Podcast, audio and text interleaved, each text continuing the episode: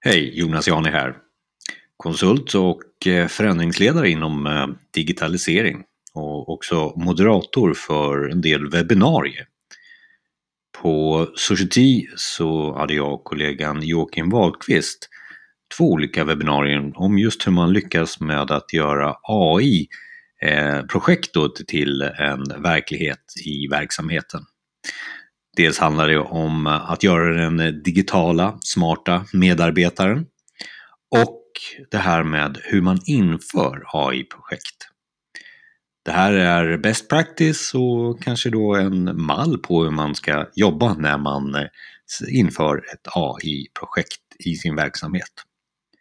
Självklart så fungerar det här avsnittet mycket bättre om man tittar på det i Youtube eller på society.se.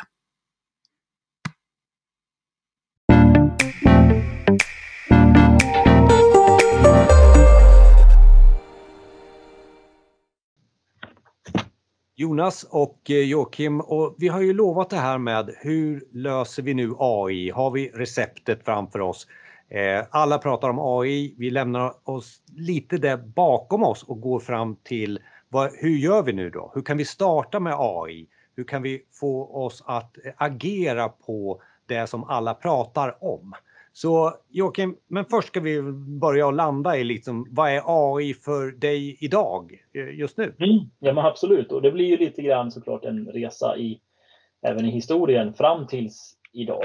Vad, vad har vi gjort? Så att säga. Och sen kan vi ta avstamp därifrån och titta framåt. Och tittar vi i den publika sektorn så har det såklart gjorts många, massvis av initiativ i, inom gruppen och Eh, om man tittar globalt. Så, så man kan säga att mycket handlar ju idag om interaktion med medborgaren. Att hitta sätt för att ha en mer intelligent, mer automatiserad, eh, effektivare och eh, rättssäkrare kommunikation också med medborgare. Eh, där vi till exempel har olika typer av chattbottar, medborgartjänster och sånt som vi har pratat om i föregående seminarier här också. Eh, tittar man historiskt så är det mycket beslut i, beslut, i beslutsprocesser, stöd i beslutsprocesser. Eh, att kunna hitta bedrägeri till exempel, den typen av lösningar. Eh, vi ser frammarsch under de sista 3-4 åren här kring cancer. Eh, att detektera cancer väldigt tidigt stadium i den forskningen och detektera i bildanalys och så. Då. så. Det är ganska brett spektrum, men det jag ser, det som händer idag så är ju framförallt förflyttningen in på det som kallas NLP, Natural Language Processing. Att kunna hantera text, tal, språk, konversation. Att vi faktiskt kan skapa en AI som börjar upplevas mänsklig.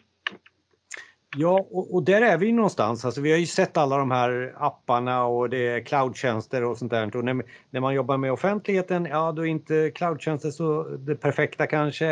Eh, men när man jobbar i det offentliga då kan man köra det här och så kan man hitta medelvägar som är hybrid.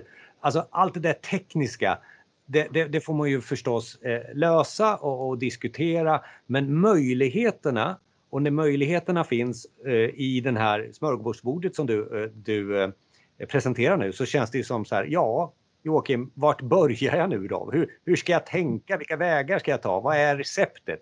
Så ta oss gärna vidare där. Jo, våra tankar, nu har vi kört ganska många olika tekniska initiativ. Jag tycker mer och mer eh, initiativ som vi kör tillsammans med våra kunder som har ett verksamhetsfokus och fokuserar på nyttan. Det är där man, man känner att nu fick vi genomslag här. Eh, så jag skulle vilja föreslå, om man tittar på ett väldigt holistiskt perspektiv, liksom 10 000 meters nivån här, eh, att försöka tänka tvärtom mot vad vi har gjort tidigare. För tidigare har vi tänkt att nu ska vi göra saker rätt och riktigt. Vi ska ha den här basplattformen som i AI-fallet handlar om data och sen ska vi bygga någon form av logik och strukturera och sen kommer nyttan, användningen ovanpå. Jag tycker vi ska tänka om, ta bort det där och så vända på den här triangeln istället och fokusera på vad är det som är möjligt? Hur blir det för oss? Hur blir det för vår kund, för våra interna användare eller vem som är mottagaren? Och så testar vi och lär oss och tar avstamp ifrån varje ny lärdom så att säga, genom att göra en så liten och smal pyramid, den upp och ner på vända, som möjligt. För att vi ska ta oss framåt så att säga i vår förståelse för vad som faktiskt är möjligt. Och sen ju längre vi kommer så måste det finnas en, en bas att göra det här seriöst och driftsäkert. Och, och alla perspektiv som finns. Eh, men det är inte där man börjar för då är det svårt att komma framåt med AI. Lite, lite av det kanske man fick inledningsvis när man pratade om eh, BI, eh, alltså AI och BI och allting som har med data att göra. Vänta, ett, om du inte har någon data så kommer vi tillbaka om ett halvår när du har samlat data, då kan vi göra någonting. Här vänder du lite på det. Låt oss prata om nyttan först så, så ja, löser vi datan sen. hittar vi data. Eh, och är det så att det saknas data, men då kan vi generera data. Vi kan hämta öppen data från internet och använda bara för att förstå vad som är möjligt. Eh, på det sättet tror jag att, att hjulet börjar snurra, det här förändringshjulet vi behöver få till. Och då blir det inte så, som du säger, så tekniskt utan då pratar vi om det som vi är duktiga på i vår verksamhet. Då blir det enklare till hjärtat. Vad är det vi ska lösa? Vilken möjlighet tror vi att vi skulle kunna ja, antingen mitigera någon risk eller förbättra någon process eller skapa en helt ny funktion eh, och lägga fokus där. Och sen testar vi, är det möjligt? Vad funkar, vad funkar inte och vad kan vi lära oss av det och ta nästa steg? Då? Du har ju flera sådana här recept och, och erfarenheter egentligen vad, hur, hur, det har gått eh, när vi har jobbat med, med eh, sådana här lösningar. Mm. Eh, det mest spännande är ju att från första början här så vi tänkte att Säg att du testar tio idéer. Så eh, kanske två, tre av dem funkar. Men ju fler idéer vi testar så inser vi att det här är ju möjligt. Nästan alltid är det så att tekniken klarar av att göra det vi föreställer oss. Det det fastnar på ibland det är träningsdata, vikten av att ha tillräckligt mycket och tillräcklig kvalitet i träningsdata. Men det handlar snarare om att mogna ett, ett, en viss idé, att ta den ifrån en idé tills att vi hittar rätt väg tekniskt och så förflytta det eh, men väldigt ofta om idén är tillräckligt så att säga, värdeskapande för verksamheten så är det, tekniken finns där. Men det är ändå så att man behöver ta sig någon form av resa då kring den här idén, möjligheten som vi ser framför oss.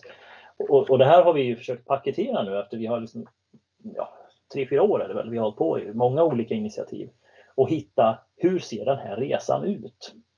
och, och det är översta delen i den här bilden då där vi ser att det finns två perspektiv att titta på det här. Det ena är verksamhetsmässig mognad av en viss idé och det andra är teknisk.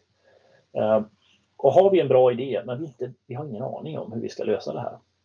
Då är vårt standardförslag att vi gör ett hackathon.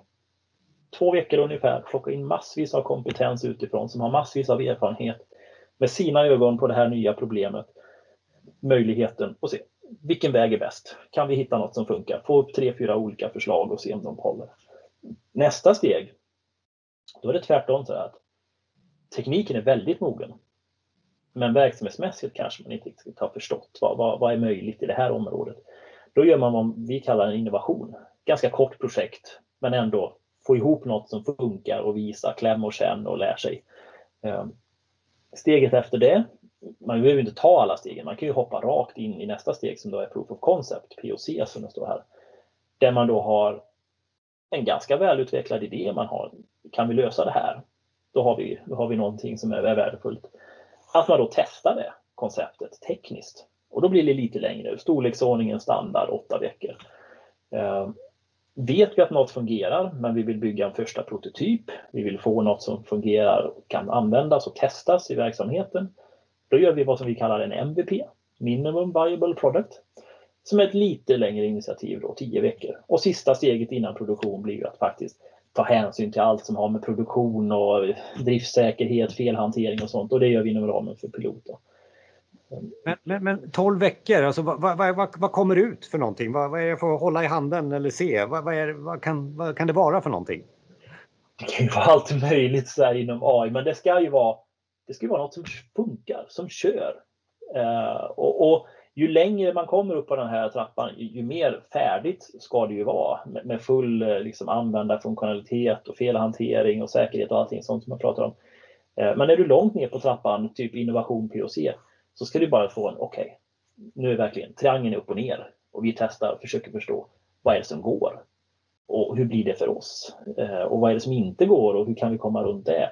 Och, men i form av körbara prototyper så vi kan klämma och känna och verkligen på riktigt fatta hur, hur det här, den här typen av AI fungerar. Då. Det är ju också så eh, ett kontrakt med den verksamheten man är inom att liksom, nu ska vi ta oss upp i den här. För, för, att om vi kommer upp då har vi någonting som är mer värt kanske för vår verksamhet än att vi bara har gjort ett hackathon också. Ja, ja. Vi kan ju ha...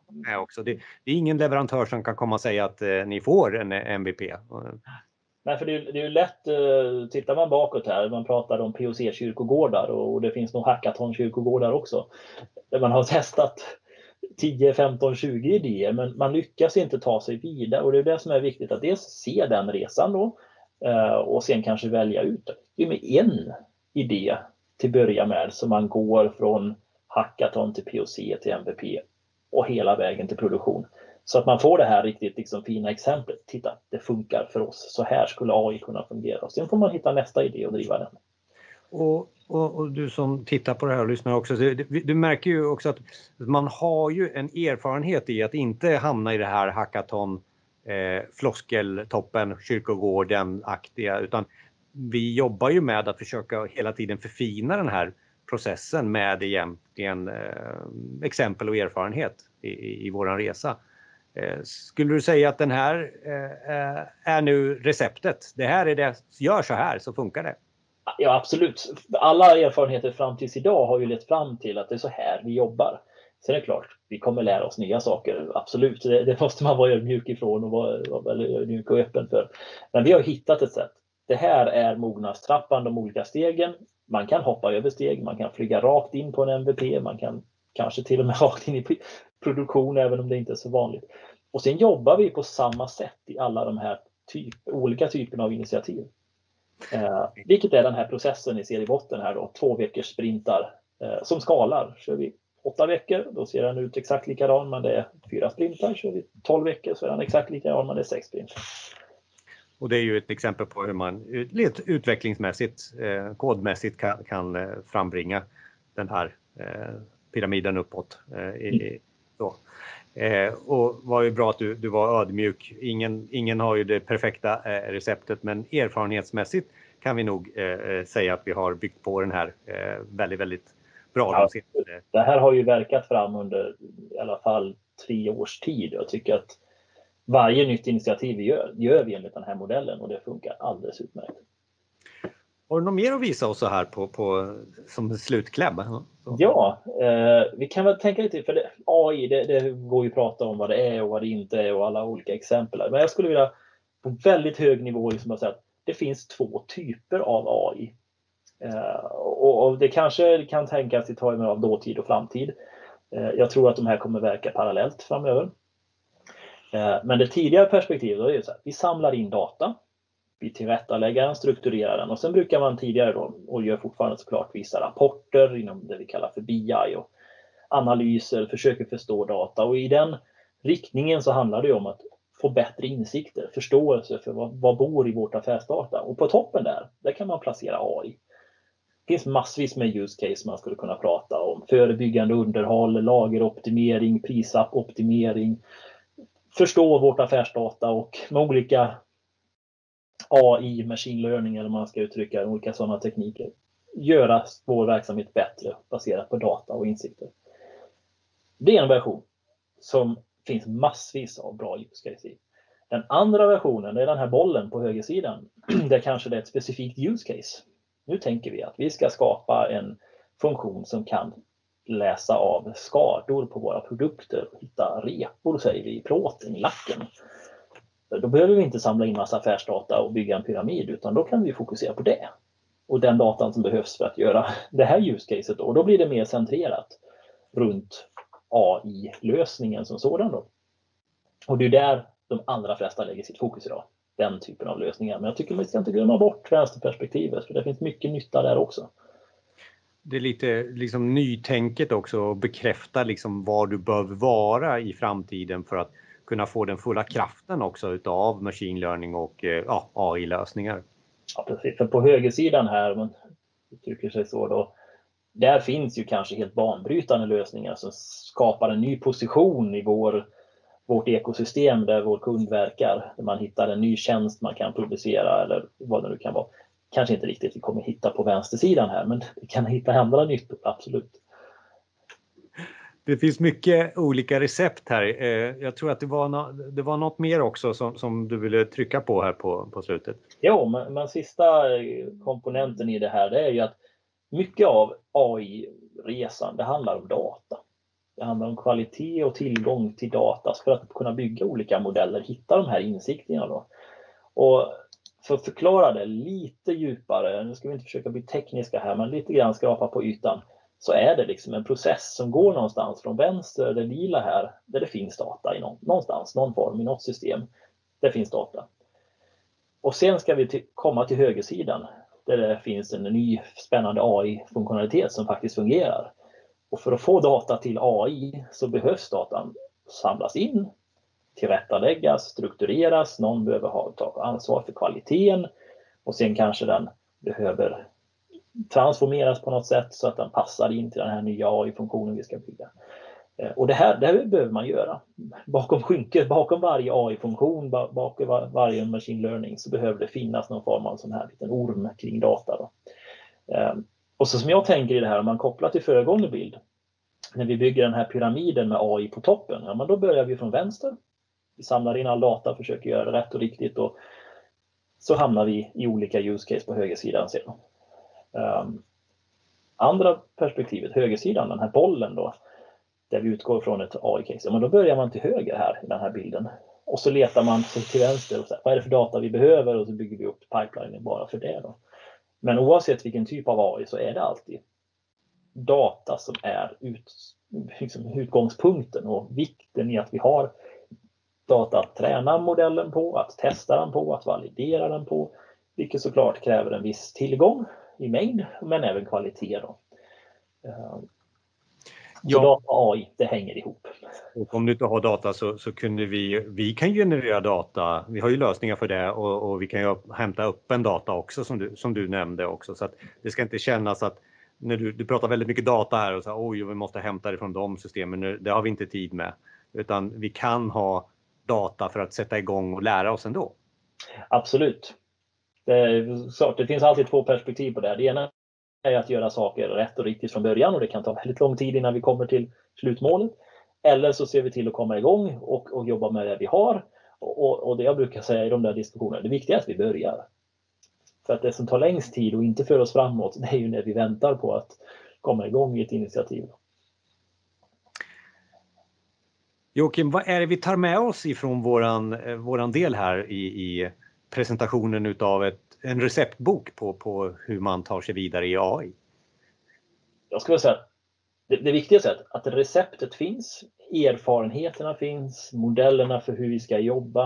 Eh, det som behövs här, det, det är ju idén, eller idéerna. Vad, vad, är det som är den, den fantastiska nyttan AI skulle kunna skapa i just er verksamhet? Och forma de där idéerna, det behöver inte vara liksom fantastiskt utbroderat, utan vad är idén?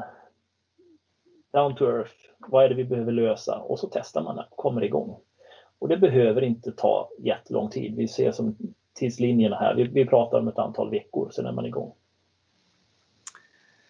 Jag hoppas att eh, ni som har tittat har förstått lite vad vi anser är AI att kicka igång och, och lite att vi har exemplifierat det och att vi har gett er många idéer på erfarenhetsrecept när det gäller att införa AI i er verksamhet. Tack så mycket eh, Jocke och eh, kontaktuppgifter till oss finns och, och det finns mer förstås på society.se. Tack Jocke! Ja, vi ses!